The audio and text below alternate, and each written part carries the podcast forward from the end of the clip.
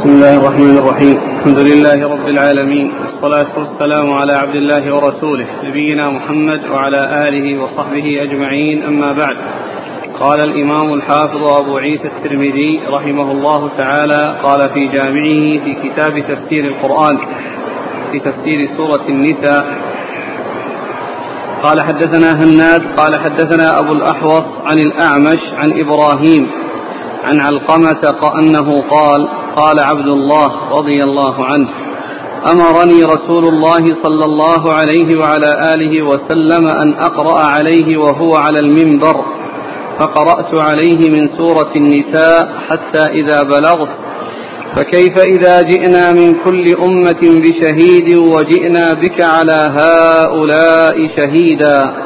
غمزني رسول الله صلى الله عليه وآله وسلم بيده فنظرت إليه وعيناه تدمعان. قال أبو عيسى هكذا روى أبو الأحوص عن الأعمش عن إبراهيم عن علقمة عن عبد الله. وإنما هو إبراهيم عن عبيدة عن عبد الله. نعم. قال حدثنا محمود بن غيلان قال حدثنا معاوية بن هشام قال حدثنا سفيان الثوري. عن الأعمش عن إبراهيم عن عبيدة عن عبد الله رضي الله عنه أنه قال قال لي رسول الله صلى الله عليه وعلى آله وسلم اقرأ علي. فقلت يا رسول الله أقرأ عليك وعليك أنزل؟ قال إني أحب أن أسمعه من غيري. فقرأت سورة النساء حتى إذا بلغت وجئنا بك على هؤلاء شهيدا. قال فرأيت عيني النبي صلى الله عليه وسلم تهملان. قال أبو عيسى هذا أصح من حديث أبي الأحوص. بسم الله الرحمن الرحيم. الحمد لله رب العالمين وصلى الله وسلم وبارك على عبده ورسوله نبينا محمد وعلى آله وأصحابه أجمعين. أما بعد فقد أورد أبو عيسى رحمه الله هذا الحديث حديث عبد الله بن مسعود رضي الله تعالى عنه في آه، قراءته على رسول الله صلى الله عليه وسلم سورة النساء وأنه عندما جاء عند آية كيف إذا جئنا من كل أمة بشهيد وجئنا بك على هؤلاء شهيدا بكى صلوات الله وسلامه وبركاته عليه. هذا هذا الحديث ذكره المصنف من طريقين الطريقة الأولى فيها عن عن أبي الأحوص وفيها أنه كان على المنبر وأنه أمره صلى الله عليه وسلم أن يقرأ وأنه لما جاء عند هذه الآية غمزه بيده فنظر إليه وإذا عيناه عين رسول الله صلى الله عليه وسلم تذرفان يسيل منه منهما الدمع من البكاء. صلوات الله وسلامه وبركاته عليه. و وقوله على المنبر وأنه غمزه. آه، إذا أريد بالغمز كونه يلمسه يغمزه بيده ويمس جسده يمس جسده بيده الذي هو الغمز الذي هو واضح في هذا المعنى فيحمل على أنه كان جالسا على المنبر وأن عبد الله بن مسعود يعني كان عنده قريبا منه. وأما إذا كان واقفا فإنه لا يتأتى إلا بالإشارة. يعني يتأتى يعني ذلك إنما يكون بالإشارة وهذا جاء في هذا الحديث الأول. وأما الحديث الثاني الذي هم طريق عبيدة بن عمرو السلماني فإنه ليس فيه ذكر المنبر وفيه المراجعة بين رسول الله صلى الله عليه وسلم وبين مسعود لأنه لما قال له اقرأ علي القرآن قال أقرأه وعليك أنزل يعني كيف أقرأه عليك وهو عليك أنزل وأنت الذي تقرأه؟ قال عليه الصلاة والسلام أنا أحب أن أسمعه من غيري. أحب أن أسمعه من غيري. فامتثل واستجاب لطلب رسول الله صلى الله عليه وسلم وقرأ عليه سورة النساء حتى وصل هذه الآية فكيف إذا جئنا من كل يوم بشهيد وجئنا بك على هؤلاء شهيدا. فبكى رسول الله صلى الله عليه وسلم ويحتمل أن يكون بكاء عليه الصلاة والسلام لما حصل من قومه من من الامتناع ومن المعارضة ومن الاستمرار على ما هم عليه وعدم الاستجابة وعدم السماع لهذا القرآن والاستفادة من هذا القرآن الذي أنزله الله عز وجل رحمة للعالمين. فبكاؤه تأثر بكى تأثرا لما حصل من قومه من عدم الاستجابة وأنه يترتب على ذلك أنهم يكونون من أهل النار وأن يكونون أن يكونوا خالدين مخلدين فيها فعند ذلك بكى رسول الله صلوات الله وسلامه وبركاته عليه. وفي قوله إني أحب أن أسمعه من غيري يدل على أن السماع يعني فيه شيء من التدبر وشيء من التأمل لأن الذي يقرأ قد يكون منشغلا بمراعاة واستذكار الآيات وطريقة التلاوة. فلا يكون عنده التمكن من مثل ما يكون التمكن من المستمع الذي ليس عنده إلا أن يسمع ويتفكر ويتدبر ويتأمل. و آه، وفي هذا أيضا دليل على أن آه، آه، حصول القراءة من من طلب طلب الغير طلب الشخص من غيره أن أن يقرأ عليه شيء من القرآن وأن يسمعه شيء من القرآن ليحصل به التدبر والتأمل. وإن كان هو قارئا للقرآن وحافظا للقرآن فإن ذلك في من التعاون على البر والتقوى ومن التعاون على الخير ومن الاشتغال بالقرآن. كل انسان يشغل نفسه ويشغل غيره إذا كان في مجمع من المجامع. ومجلس من المجالس أن يكون فيه قراءة شيء من القرآن ثم التأمل والتدبر ب آه، آه،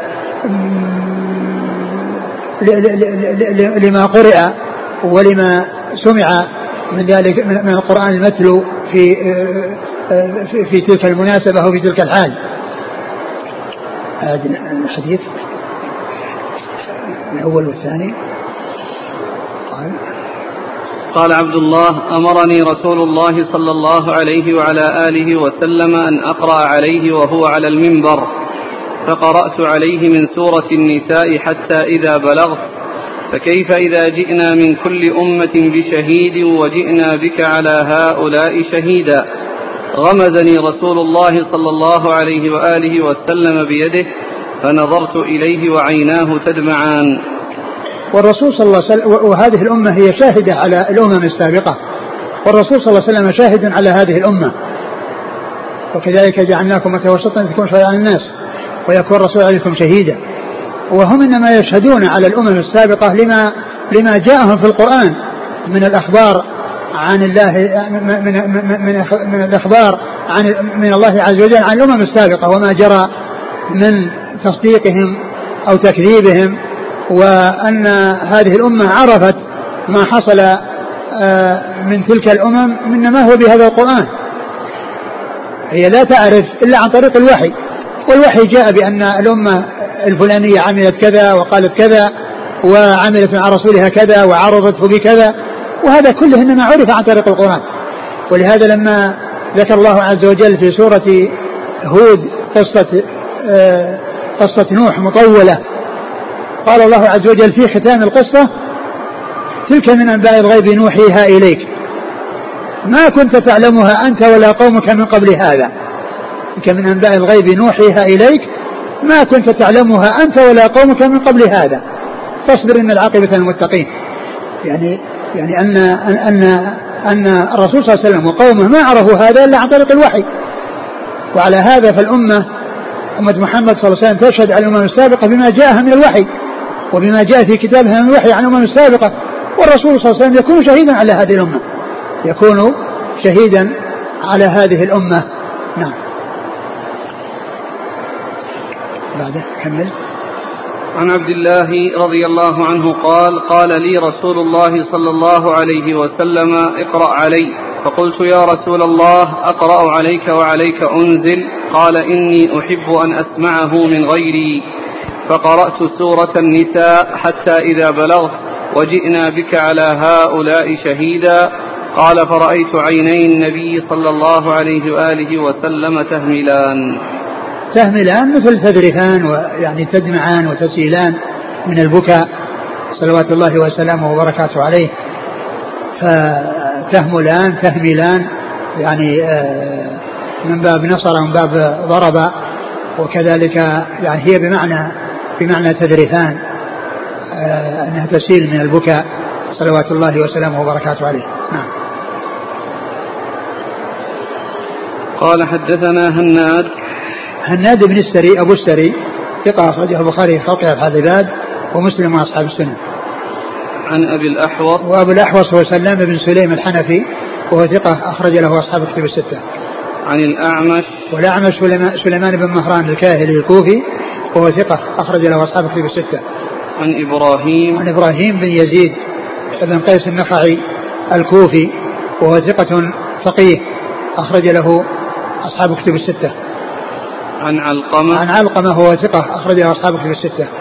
عن عبد الله عبد الله بن مسعود الهذلي رضي الله تعالى عنه صاحب رسول الله صلى الله عليه وسلم وحديثه أخرجه أصحاب الكتب الستة.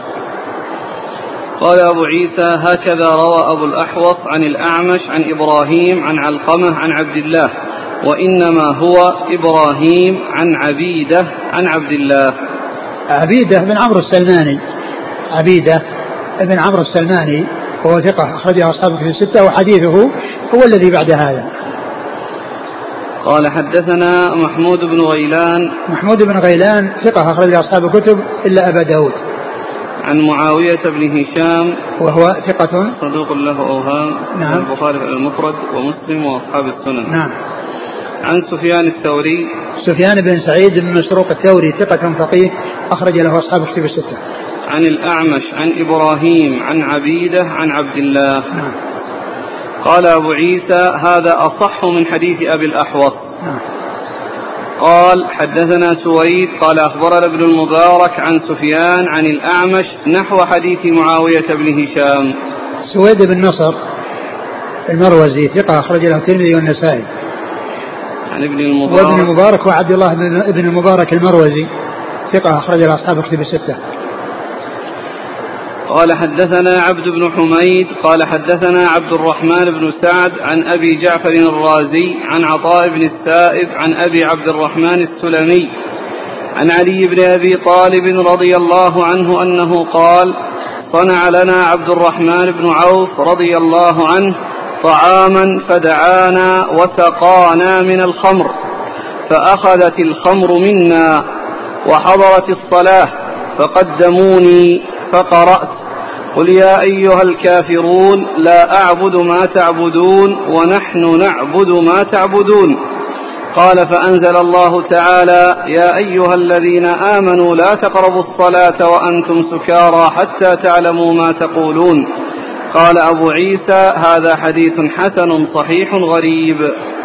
ثم رد أبو عيسى هذا الحديث عن عن علي رضي الله عنه في قصة آه، شربهم الخمر. عند عبد الرحمن بن عوف رضي الله تعالى عن الصحابة أجمعين وأنهم آه، شربوا حتى سكروا وجاء وقت الصلاة فصلى بهم علي وجاء في بعض الروايات أن الذي صلى بهم عبد الرحمن بن عوف وجاء في بعضها آه، مهمل لم يسمى وأنه لما قرأ قل يا أيها الكافرون خلط فيها وأتى بكلام آه، يخالف ما في القرآن وهذا بسبب السكر. فنزلت الآية في تحريم قربان الخمر إذا قرب وقت الصلاة حتى يأتي وقت الصلاة وهم في صحو يعني ليس عندهم سكر فيعلمون ما يقولون ويفقهون ما يقولون فلا يحصل منهم شيء من التخليط. و ومن المعلوم أن الإنسان إذا سكر فإنه يفقد عقله.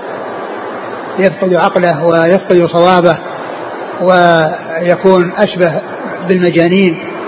ولهذا يقول ابن الوردي في آه، في في لاميته يقول كيف يسعى في جنون من عقل؟ كيف يسعى في جنون من عقل؟ أبيات منها شطر هذا البيت. كيف يسعى في جنون من عقل؟ يعني كيف يعقل أن الإنسان أعطاه الله تعالى عقلا؟ ثم بعد ذلك يسعى إلى أن يكون في جملة المجانين. يسعى بإرادته ومشيئته وفعله إلى أن يلحق نفسه بالمجانين. فالخمر آه، أم الخبائث وفيها المفاسد العظيمة والمفاسد الكثيرة وقد كان قد كانوا في الجاهلية يشربونها وجاء الإسلام وحرمها على التدرج فجاء تحريمها إذا قرب وقت الصلاة ثم جاء بيان ما فيها من المصالح وما فيها من المفاسد وأن مفاسدها أكثر من منافعها وهذا فيه إشارة إلى إلى تركها. ثم بعد ذلك أنزل الله عز وجل الآية الفاصلة التي حصل بها تحريمها وهي آية المائدة وهي قوله إنما الخمر والميسر وفي آخرها قال فاجتنبوه. فاجتنبوه. فهذه هي الآية الفاصلة التي حصل بها تحريم الخمر. وعند ذلك آه، امتنعوا من شرب ما عندهم فأراقوه وأتلفوه ولم يبقوه عندهم بعد أن حرمها الله عز وجل عليهم. فالخمر كانت آه، لم تحرم ولكنها حرمت على على درجات وعلى مراحل وآخرها ونهايتها أنها حرمت آه، تحريما قاطعا لا مجال فيه لاستعمالها بل جاءت الشريعة بمنع الشرب شرب القليل الذي لا يسكر إذا كان كثيره يسكر. ولهذا جاء في الحديث ما أسكر كثيره ما أسكر كثيره فقليله حرام لأن شرب القليل وسيلة إلى شرب الكثير. والإنسان إذا شرب القليل أدى به ذلك إلى شرب الكثير فصار آه، فجاء المنع من من قربانها ومن آه، استعمالها مطلقا آه، سواء في قليل أو كثير. ومنع وكل شيء أسكر كثيره فإن قليله يكون حراما لأنه يفضي إلى الحرام ويؤدي إلى الحرام.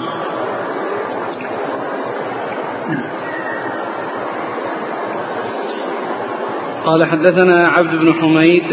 عبد بن حميد هو ثقة أخرج حديثه مسلم. البخاري تعليقا ومسلم والترمذي. نعم. عن عبد الرحمن بن سعد. وهو صدوق. ثقة. ثقة؟ نعم أخرج له. أصحاب الكتب. نعم.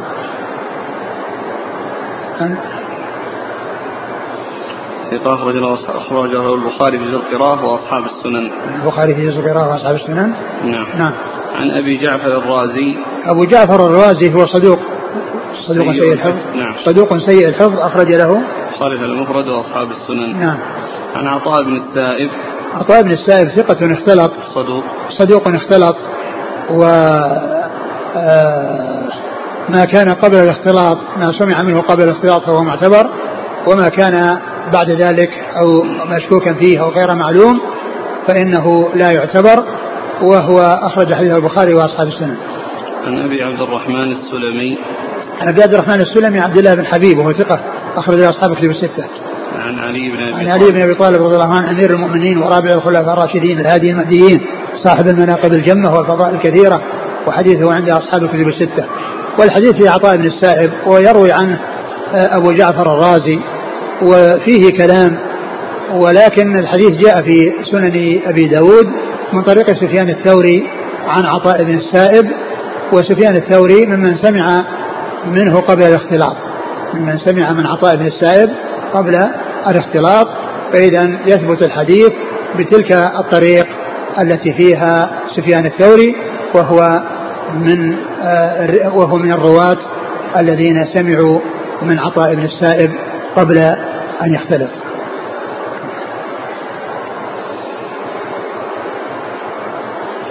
قال حدثنا قتيبة قال حدثنا الليث بن سعد عن ابن شهاب عن عروة بن الزبير أنه حدثه أن عبد الله بن الزبير رضي الله عنهما حدثه أن رجلا من الأنصار خاصم الزبير رضي الله عنه في شراج الحرة التي يسقون بها النخل. فقال الأنصاري سرح الماء يمر فأبى عليه. فاختصموا إلى رسول الله صلى الله عليه وعلى آله وسلم. فقال رسول الله صلى الله عليه وآله وسلم للزبير اسق يا زبير وأرسل الماء إلى جارك. فغضب الأنصاري وقال يا رسول الله أن كان ابن عمتك؟ فتغير وجه رسول الله صلى الله عليه وآله وسلم ثم قال يا زبير اسقي واحبس الماء حتى يرجع إلى الجدر. فقال الزبير والله إني لأحسب هذه الآية نزلت في ذلك. فلا وربك لا يؤمنون حتى يحكموك. الآية. قال أبو عيسى سمعت محمدا يقول قد روى ابن وهب هذا الحديث عن الليث بن سعد ويونس عن الزهري عن عروة عن عبد الله بن الزبير نحو هذا الحديث. وروى شعيب بن أبي حمزة عن عروة عن الزبير عن الزهري. عن الزهري عن عروة. سقطت من هذه المسألة. نعم. وروى شعيب بن أبي حمزة عن الزهري عن عروة عن الزبير ولم يذكر عن عبد الله بن الزبير. ثم ورد أبو عيسى حديث عبد الله بن الزبير رضي الله تعالى عنهما في قصة آه، آه، تخاصم آه، أبيه أو مخاصمة الأنصاري لأبيه. في شراج الحرة والمقصود بشراج الحرة المكان الذي ينزل منه الماء فيمر بالمكان العالي ثم ينزل إلى إلى ما كان أنزل منه. وكان الزبير بستانه عاليا مرتفعا ولا يصل إلى جاره الأنصاري الذي هو أنزل منه إلا بعد أن يشرب آه، بستان الزبير. فالأنصاري طلب من الزبير أن يرسل الماء يعني ما يحبسه يعني خليه يمر بمزرعته ثم ينزل على على مزرعة الأنصاري. فتخاصموا آه، إلى الرسول صلى الله عليه وسلم والرسول صلى الله عليه وسلم في أول الأمر أراد يعني آه، من الأنصاري من الزبير أن يتسامح مع الأنصاري وأن آه، يسرح الماء إليه قبل أن يستوفي حقه الكامل دون أن يستوفي حقه الكامل منه. وإنما إذا استفاد منه آه، الفائدة وإن لم تكن كاملة فإنه يتيح الفرصة لجاره بحيث يوصل الماء إليه.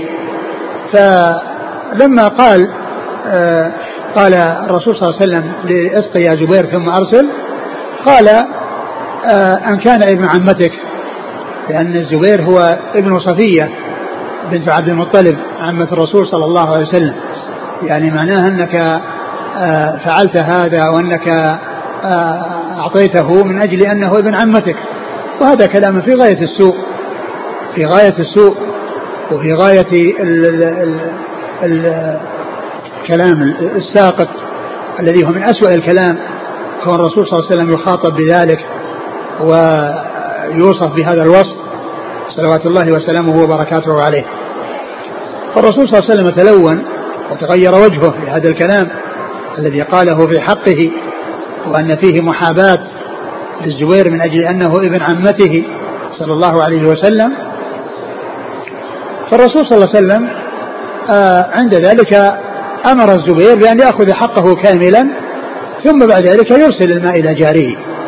لأن في الأول آه، أرشد ابن أرشد الزبير إلى المسامحة وعدم استيفاء حقه كاملا وأنه إذا حصل حصول الماء لأرضه وإن لم يكن على وجه الكمال فإنه يرسله فلما قال ما قال أمره بأن يستوفي حقه ثم ذلك يعطي حقه ثم يرسل الماء إلى جاره. قال أرسل أمسك الماء حتى يصل إلى الجدر. وقيل إن الجدر مقصود من ذلك ال ال ال ال ال الأماكن التي تكون على ال ال ال الأشربة التي يكون فيها الماء لأن كل شرب يعني يكون بينه وبين الشرب الذي يليه آه، مكان مرتفع يتميز بحيث يشرب كل شرب على حدة ثم يعدل الماء عن الشرب وينتقل إلى الشرب الذي يليه. فكانت هناك آه، أماكن مرتفعة وفواصل تكون بين تلك الأشربة والشرابات فهذا هو المقصود بالجدر. يعني معناه أنه يستوفي حقه ويشرب بحيث آه، آه، يصل الماء إلى هذه التلال أو الأشياء المرتفعة التي تميز بين الشرابات أو الأشربة. ثم بعد ذلك يرسل إلى جاره. ف فيكون الرسول صلى الله عليه وسلم في أول الأمر أرشده إلى مسامحة جاره وألا يستوفي حقه وأن يمكن جاره من الاستفادة. ولما قال ما قال أذن له أو أمره بأن يستوفي حقه كاملا الذي يستحقه ثم ذلك يرسل الماء إلى جاره. وهذا الكلمة التي قالها ذلك الأنصاري قيل يعني بعض العلماء قال إن هذا نفاق وأنه منافق. ولكنه جاء في بعض الأحاديث عند البخاري أنه بدري وأنه شهد بدرا. ومعلوم أن أهل بدر جاء فيهم أحاديث تدل على فضلهم وأن الله عز وجل لما في, قصة حاطب بن أبي بلتعة وكان من شهد بدرا قال وما أدريك لعل الله طلع على أهل بدر فقال اعملوا ما شئتم فقد غفرت لكم. وقيل إنه لعل ذلك أن يكون قبل قبل ال ال قبل بدر وأنه أن ذلك كان متقدما. وقال بعض أهل العلم أن هذا من من الكلام الذي آه، يحصل عند الغضب ولا يصح ذلك إلا إذا كان غضبا آه، استولى على على عقله بحيث آه، تكلم بكلام يعني لا يعقله ولا يعني يتقنه فهذا هو الذي يكون معذورا. وإن كان الحرص على كبت الغضب وعلى دفعه وعدم آه، الاسترسال فيه بحيث يعني يصل إلى آه، أن يحصل كلام لا يصلح ولا ينبغي هذا هو المطلوب.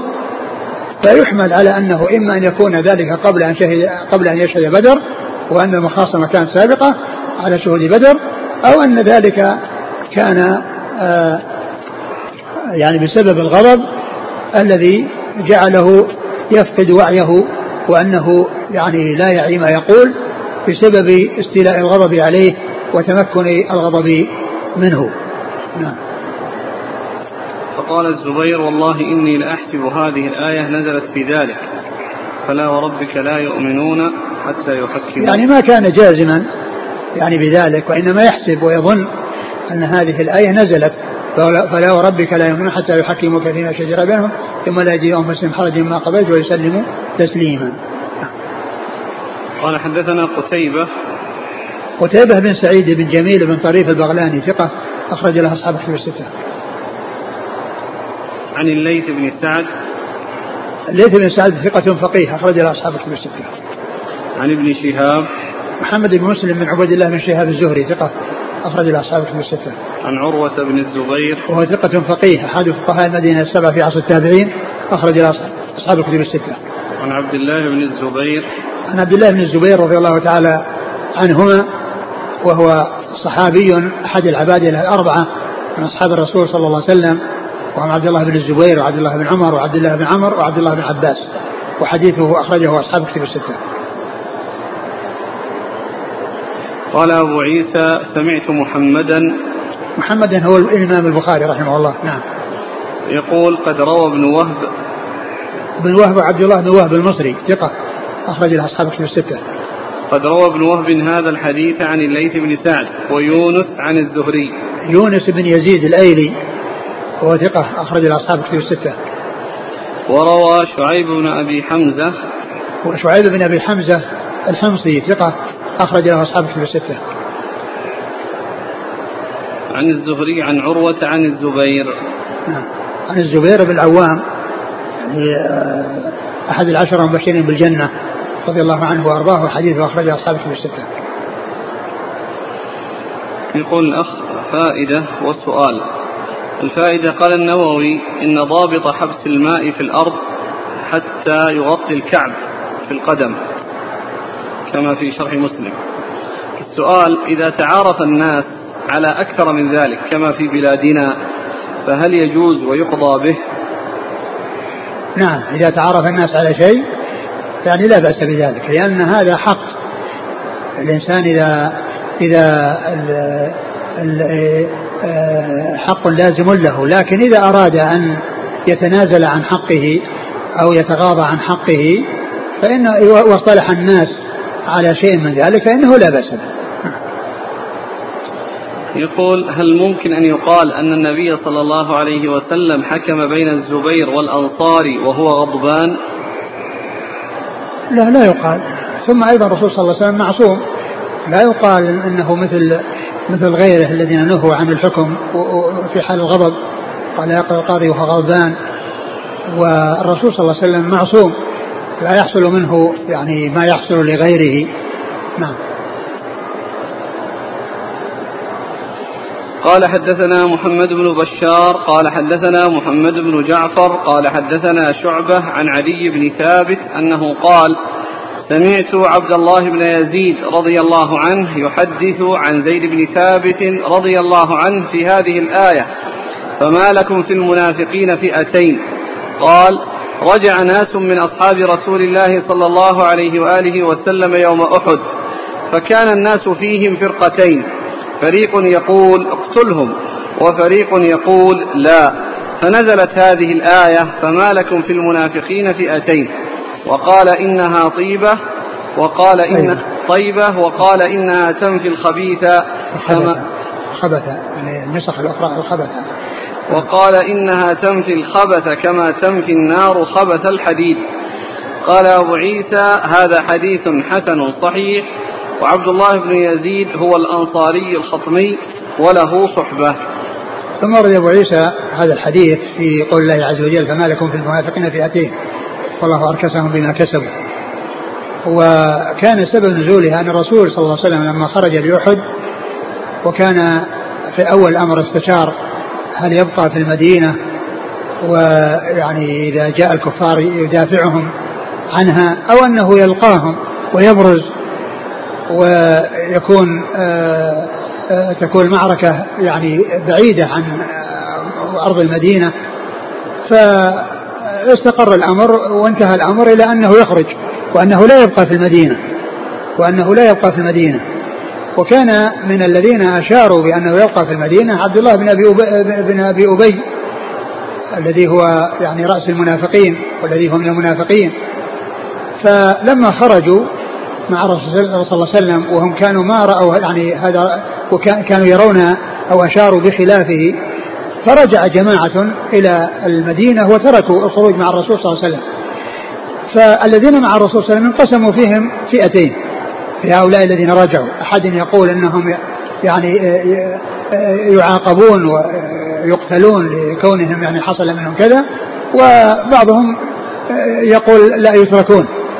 فأنزل الله عز وجل هذه الآية فما لكم في المنافقين فئتين. يعني فئة تقول كذا وفئة تقول كذا. يعني بسبب رجوعهم آه، عن رسول الله صلى الله عليه وسلم آه، عندما خرج لملاقاة الكفار في غزوة أحد خارج المدينة في آه، أرض المعركة التي حصلت بها وهي قريبة من المدينة. فنزلت الآية في ذلك. نعم. آخره وقال إنها طيبة. وقال, وقال إنها طيبة. يعني المدينة أنها طيبة وأنها تنفي الخبث كما ينفي الكير وخبث الحديد. يعني آه الذي يكون آه آه تنفي الخبث يعني من الرجال والنساء كما أن الكير ينفي خبث الحديد بمعنى أنه يتميز جيده من رديئه فرديئه يخرج وجيده يبقى فكذلك شأن المدينة فإنها كالكير تنفي الخبث. يعني من يكون من يكون كذلك ومن يكون متصفا بذلك. ولا يعني ذلك أن كل من كان خبيثا فإنه خرج منها فإن فيها فإنه عاش فيها من عاش حتى مات. ومنهم عبد الله بن أبي هذا وخرج منها أناس من أصحاب الرسول صلى الله عليه وسلم. ذهبوا للسكنة في البلاد الأخرى والدعوة إلى الله عز وجل فليس كل من يخرج منها يكون متصفا بهذا الوصف وليس كل من يبقى فيها يكون طيبا. نعم. قال حدثنا محمد بن بشار. محمد بن بشار هو الملقب بالدار ثقة أخرج أصحاب في الستة. عن محمد بن جعفر وهو ملقب غندر ثقة أخرج أصحاب كتب الستة عن شعبة شعبة بن الحجاج الواسطي ثقة أخرج أصحاب الكتب الستة. عن عدي بن ثابت وهو ثقة أخرج أصحاب الكتب. نعم. عن عبد الله بن يزيد وهو صحابي له صحبة أخرج له أصحاب الكتب. نعم. عن زيد بن ثابت رضي الله عنه أخرج له أصحاب الكتب الستة. قال حدثنا الحسن بن محمد الزعفراني قال حدثنا شبابه قال حدثنا ورقاء بن عمر عن عمرو بن دينار عن ابن عباس رضي الله عنهما عن النبي صلى الله عليه وعلى آله وسلم أنه قال يجيء المقتول بالقاتل يوم القيامة ناصيته ورأسه بيده وأوداجه تشخب دما يقول يا رب هذا قتلني حتى يدنيه من العرش. قال فذكروا لابن عباس التوبة فتلا هذه الآية ومن يقتل مؤمنا متعمدا؟ قال وما نسخت هذه الآية ولا بدلت وأنى له التوبة. قال أبو عيسى هذا حديث حسن غريب. وقد روى بعضهم هذا الحديث عن عمرو بن دينار عن ابن عباس نحوه ولم يرفعه.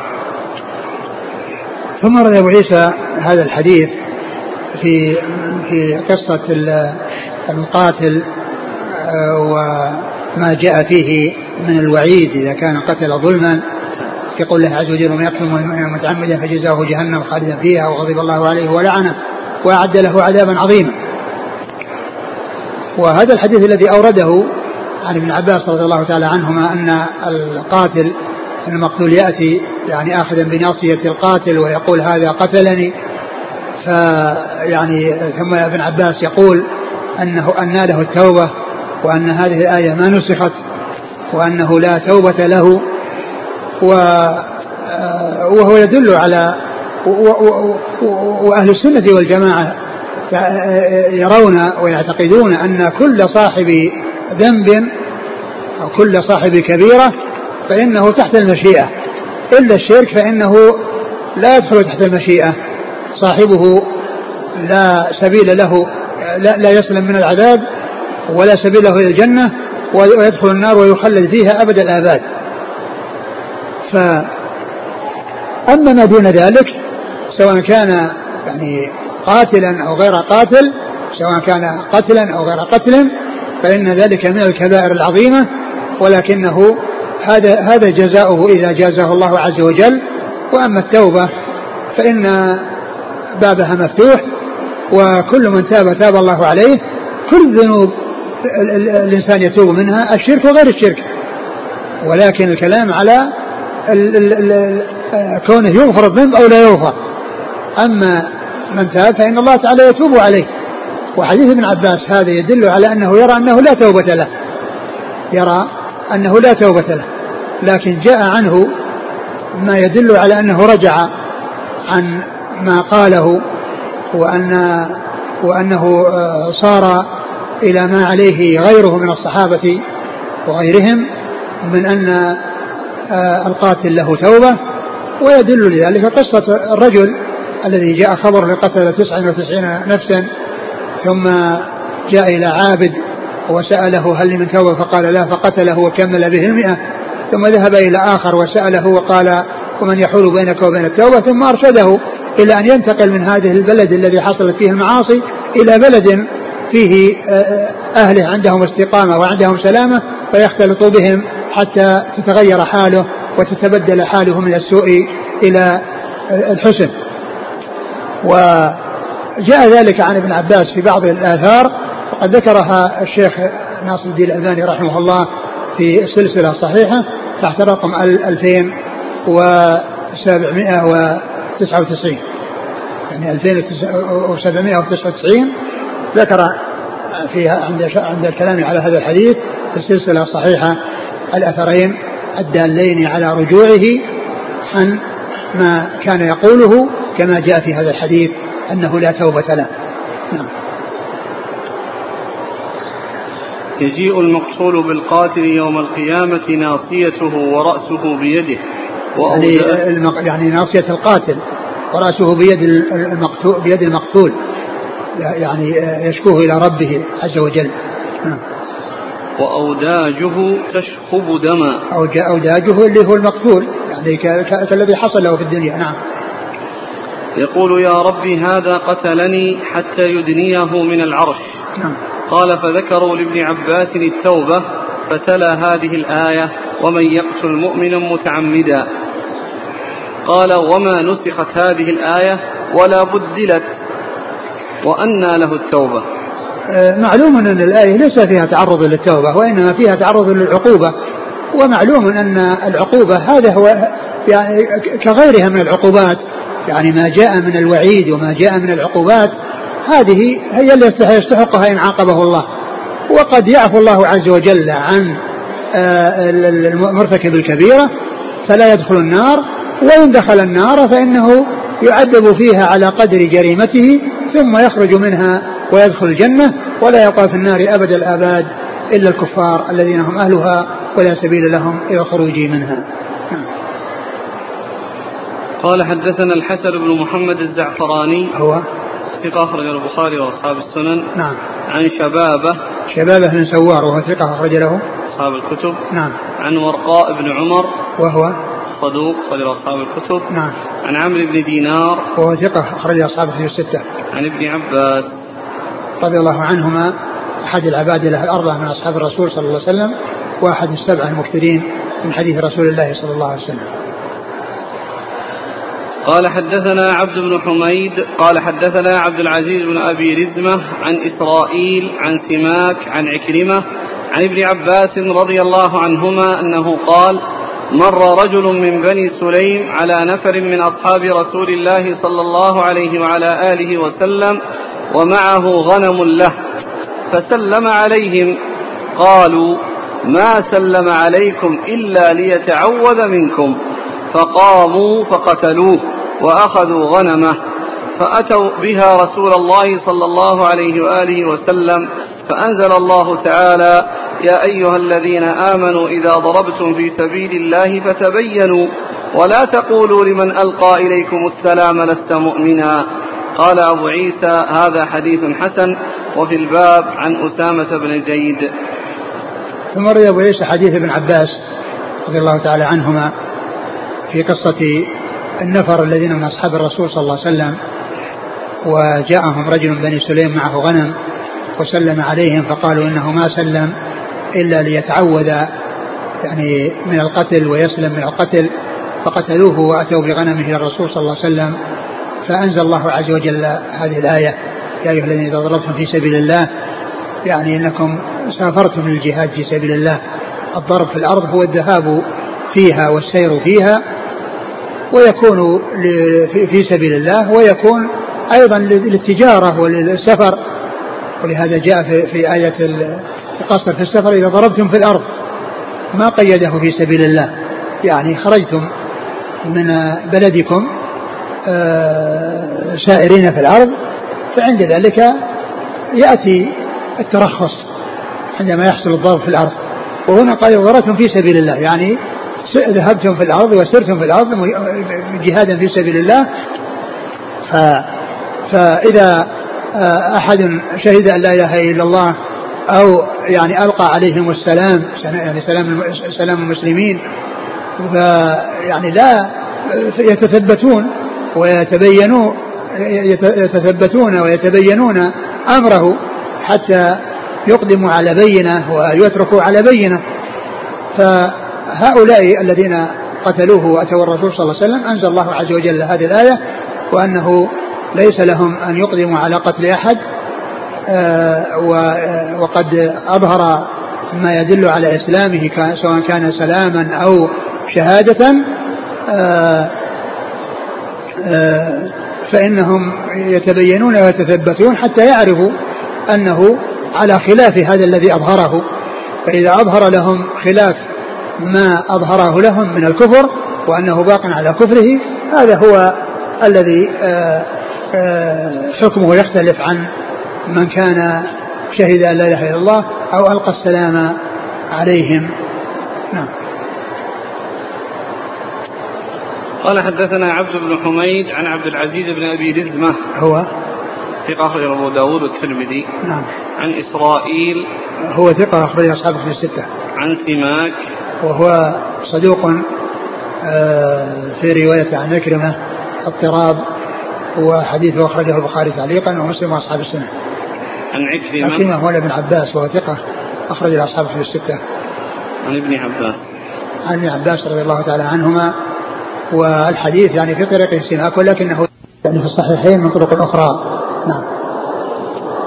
قال وفي الباب عن أسامة بن زيد أسامة بن زيد رضي الله عنه أخرج أصحابه في الستة.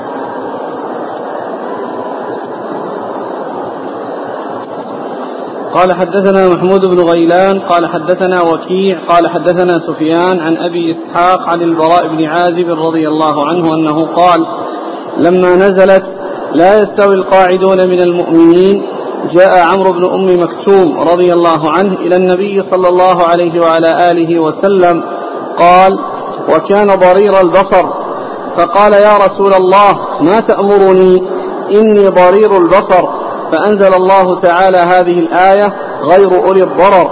الآية فقال النبي صلى الله عليه وآله وسلم ائتوني بالكتف والدواه أو اللوح والدواه قال أبو عيسى هذا حديث حسن صحيح. ويقال عمرو بن أم مكتوم. ويقال عبد الله بن أم مكتوم. وهو عبد الله بن زائدة وأم مكتوم أمه. ثم روي أبو عيسى حديث البراء بن عازب رضي الله عنهما في قوله عز وجل لا يستوي القاعدون المؤمنين غير الضرر. وأن الآية أولا نزلت لا يستوي القاعدون المؤمنين وليس معها غير أولي الضرر. فجاء ابن مكتوم وقال ما تأمرني؟ يعني أنه عنده عذر وأنه معذور لأنه كان أعمى.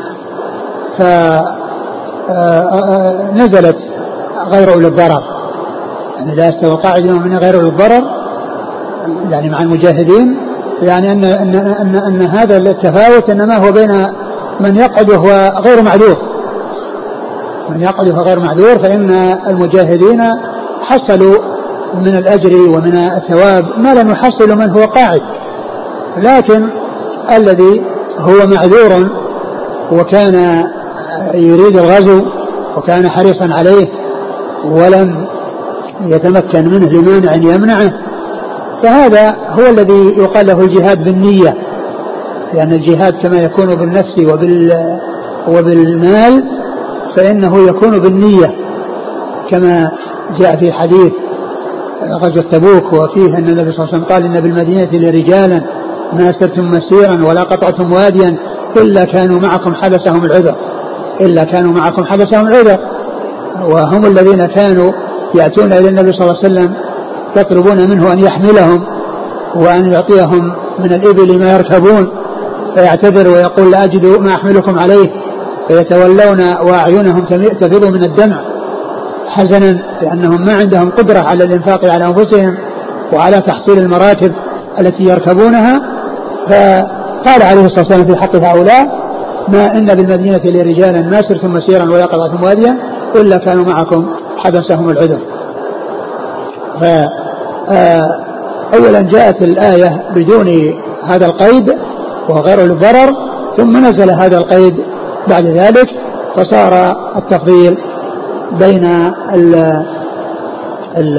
القاعدين والمجاهدين القاعدين من غير أولي الضرر من غير أولي الضرر. فقال النبي صلى الله عليه وسلم ائتوني بالكتف والدواء. يعني للكتابة. يعني ليكتب يعني هذا الذي نزل عليه وهو يعني إضافة غير أولي الضرر. نعم. والكتف هو ال يعني الذي هو كتف البعير. يعني الذي هو العظم.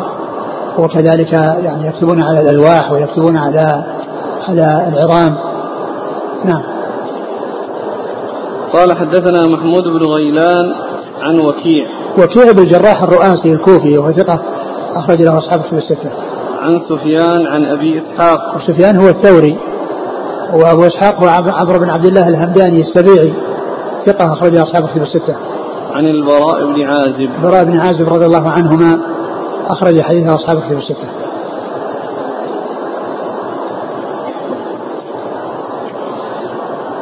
قال حدثنا الحسن بن محمد الزعفراني قال حدثنا الحجاج بن محمد عن ابن جريج قال أخبرني عبد الكريم سمع مقسما مولى عبد الله بن الحارث يحدث عن ابن عباس رضي الله عنهما أنه قال لا يستوي القاعدون من المؤمنين غير أولي الضرر عن بدر والخارجون إلى بدر لما نزلت غزوة بدر. قال عبد الله بن جحش وابن أم مكتوم رضي الله عنهما إنا أعميان يا رسول الله فهل لنا رخصة فنزلت لا يستوي القاعدون من المؤمنين غير أولي الضرر وفضل الله المجاهدين على القاعدين درجة فهؤلاء القاعدون غير أولي الضرر وفضل الله المجاهدين على القاعدين أجرا عظيما درجات منه على القاعدين من المؤمنين غير أولي, أولي الضرر قال أبو عيسى هذا حديث حسن غريب من غريب من هذا الوجه من حديث ابن عباس. ومقسم يقال هو مولى عبد الله بن الحارث ويقال هو مولى ابن عباس وكنيته أبو القاسم. ثم روي أبو عيسى الحديث عن ابن عباس الذي هو حديث لا يستوي القاعد من غير الضرر و وفيه أن أن أن أن أن التفاوت بين يعني أولي الضرر الذين هم أصيبوا بضرر أنهم فيه تفاوت ولكنه يسير وليس بشديد يعني كالتفاوت الذي يكون بين غير أهل الضرر مع المجاهدين. ففي الأول قال درجة وفي الثاني قال أجرا عظيما درجات منه ومغفرة ورحمة. ف يعني هذا الحديث فيه أو هذا هذه الطريق فيها أن التفاوت بين من يكون من أهل الضرر مع المجاهدين يختلف ولكنه اختلاف يسير وأنه مع القاعدين من غير أولي الضرر فإنه يكون كثيرا وتفاوتا عظيما. أقرأ هذا الحديث. عن ابن عباس أنه قال لا يستوي القاعدون من المؤمنين غير أولي الضار عن بدر والخارجون إلى بدر. يعني القاعدون عن الذهاب إلى بدر والخارجين إلى بدر. يعني القاعدين والخارجين. الخارجين الذين خرجوا للغزو والقاعدين الذين بقوا فلم يخرجوا. نعم. لما نزلت غزوة بدر قال عبد الله بن جحش وابن أم مكتوم إنا أعميان يا رسول الله. وقيل أن, أن عبد الله بن جحش أن الصواب أنه أبو أحمد بن جحش. أبو أحمد بن جحش هذا هو الذي كان معذورا كما جاء في بعض الروايات. نعم.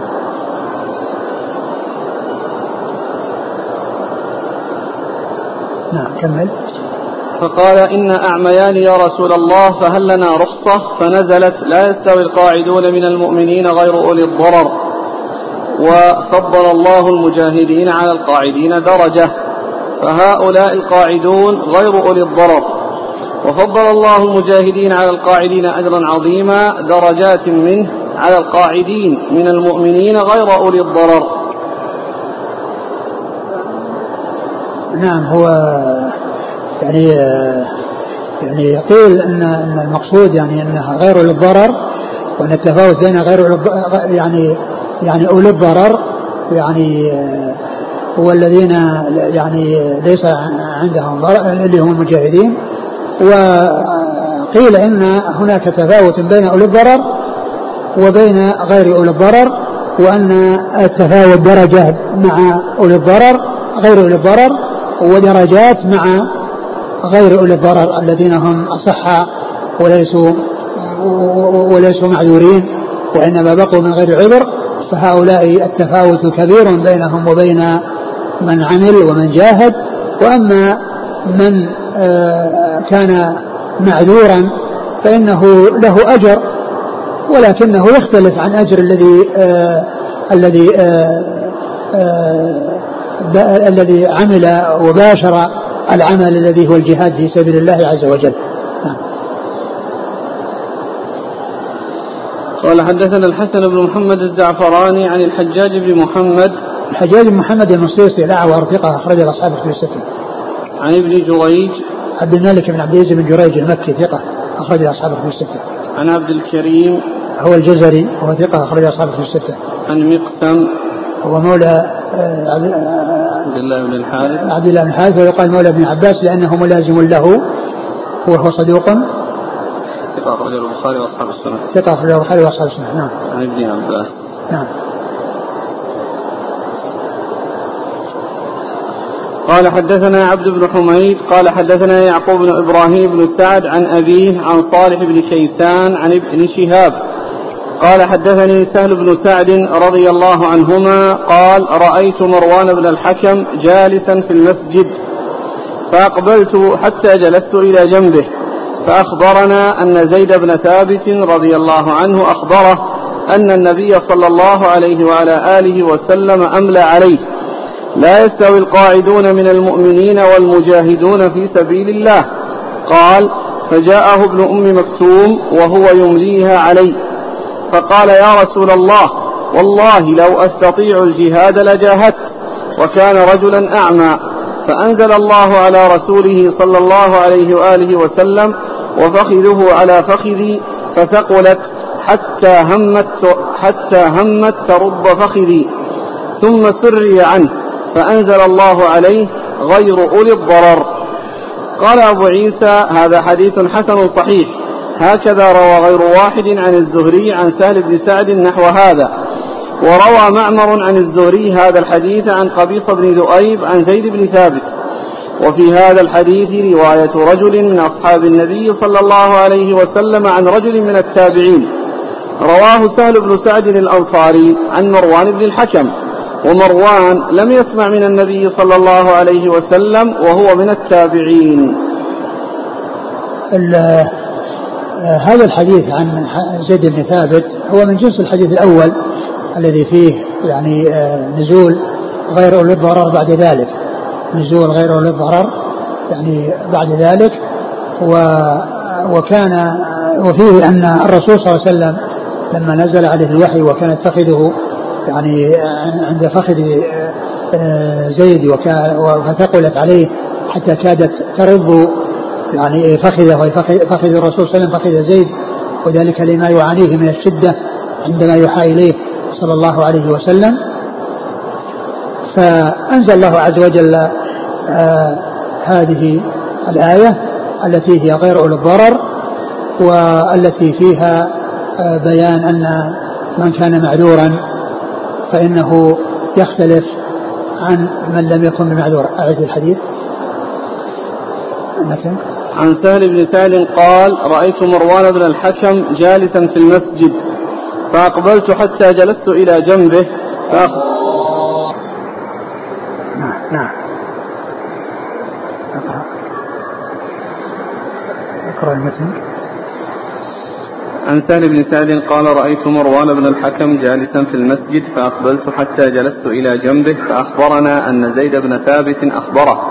أن النبي صلى الله عليه وسلم أملى عليه. لا يستوي القاعدون من المؤمنين والمجاهدون في سبيل الله. قال فجاءه فجاءه ابن أم مكتوم وهو يمليها علي فقال يا رسول الله والله لا. والله لو أستطيع الجهاد لجاهدت. وكان رجلا أعمى. فأنزل الله على رسوله صلى الله عليه وسلم وفخذه على فخذي فثقلت حتى همت ترد فخذي ثم سري عنه فأنزل الله عليه غير أولي الضرر. آه هذا يدل على ما كان عليه الرسول صلى الله عليه وسلم أو مما يحصل عليه وسلم من الشدة عندما يوحى إليه صلى الله عليه وسلم وسواء كان ذلك الوحي كثيرا أو قليلا لأن الوحي الذي أوحي إليه في هذه الحال غير إلى الضرر فقط يعني كما جاء في الحديث ومع ذلك يحكي زيد بن ثابت وأن فخذه همت ترض فخذه فخذ زيد أي همت أي قربت أو كادت أن ترض من الشدة التي تحصل الرسول صلى الله عليه وسلم.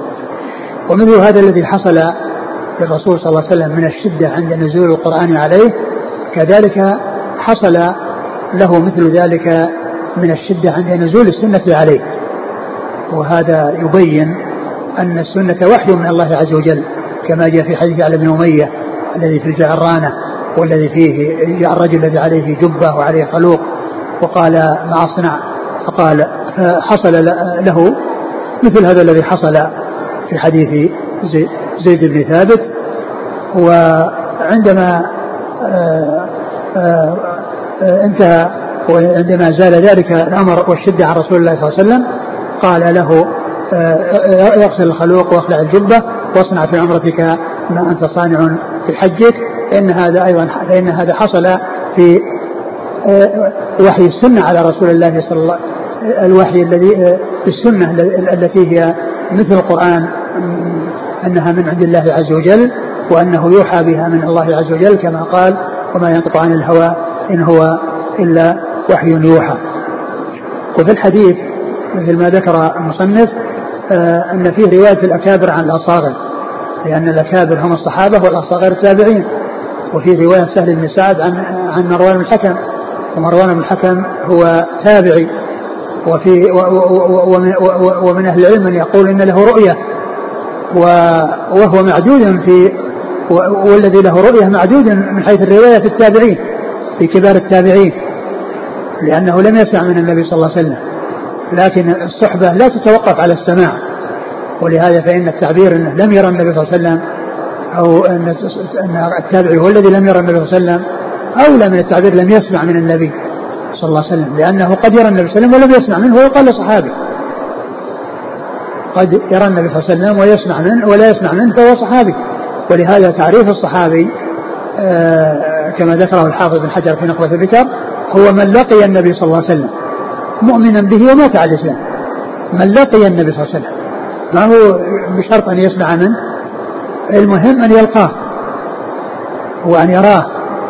أو كذلك لا يحصل رؤيه إذا كان أعمى ولكنه جاء عند النبي صلى الله عليه وسلم وجلس في مجلسه وحصل أن الرسول صلى الله عليه وسلم رآه فإن آه، مجرد لقيه إلى النبي صلى الله عليه وسلم يجعله آه، صحابيا.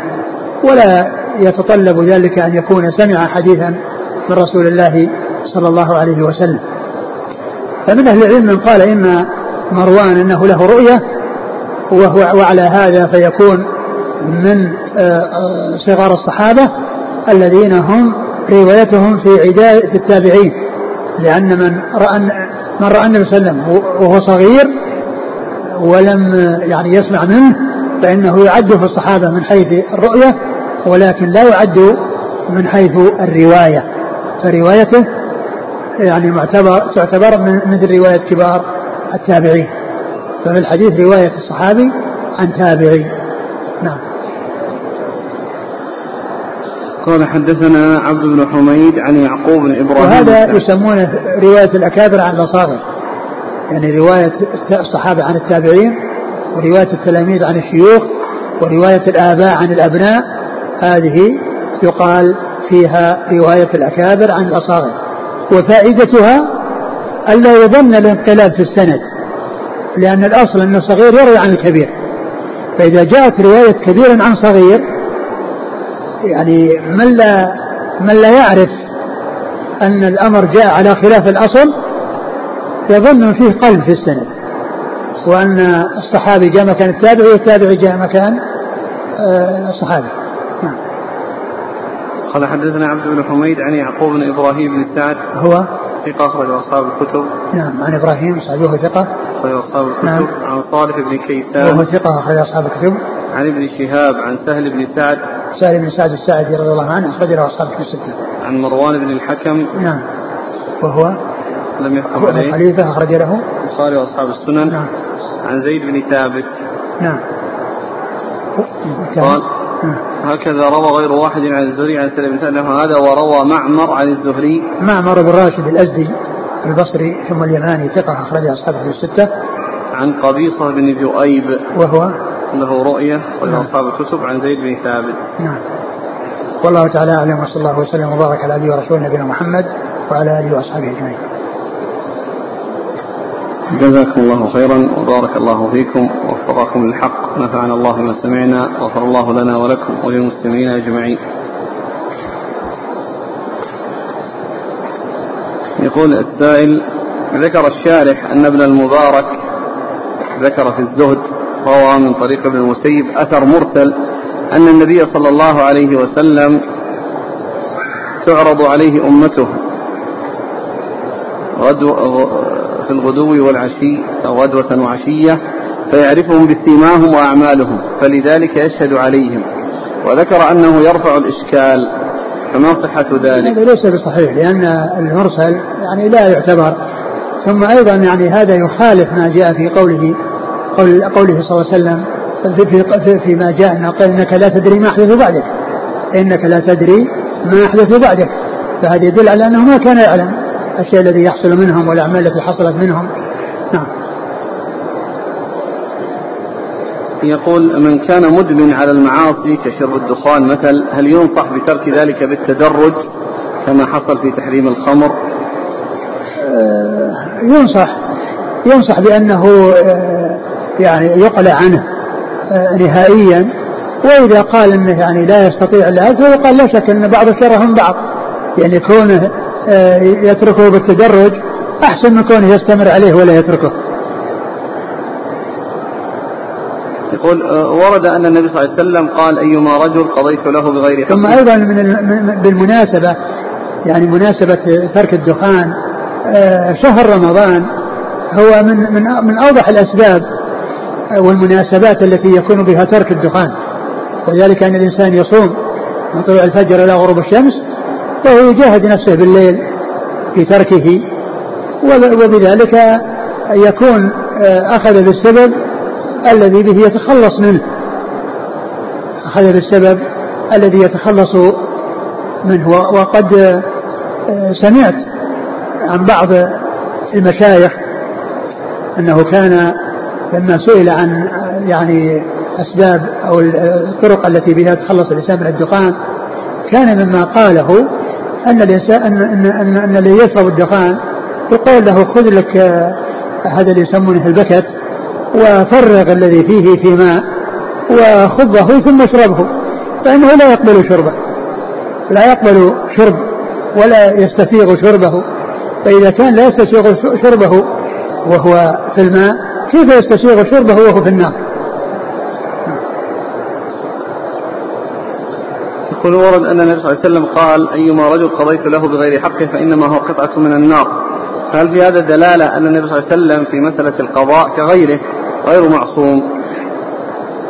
غير معصوم آه، آه، فيما يتعلق بالشيء الذي آه، يكون فيه خطأ لأنه لا يعلم الغيب. لأنه لا يعلم الغيب. هو يعني في قضائه معصوم عليه الصلاة والسلام. وأنه يعني لا يحكم إلا بما هو حق لكن قد يظهر الإنسان حجة هو فيها مبطل وهو لا يعلم الغيب. الرسول صلى الله عليه وسلم لا يعلم الغيب لكن كون ال ال آه، آه، كونه آه، حكمه يعني يكون مطابق الواقع الذي يكون مطابق هو الذي يعلم الغيب. يعني لو كان يعلم الغيب كان إذا جاء الخصمان يقول أنا أعرف إنك مبطل وأنت محق هذا مبطل وهذا محق. لكنه لا يعلم الغيب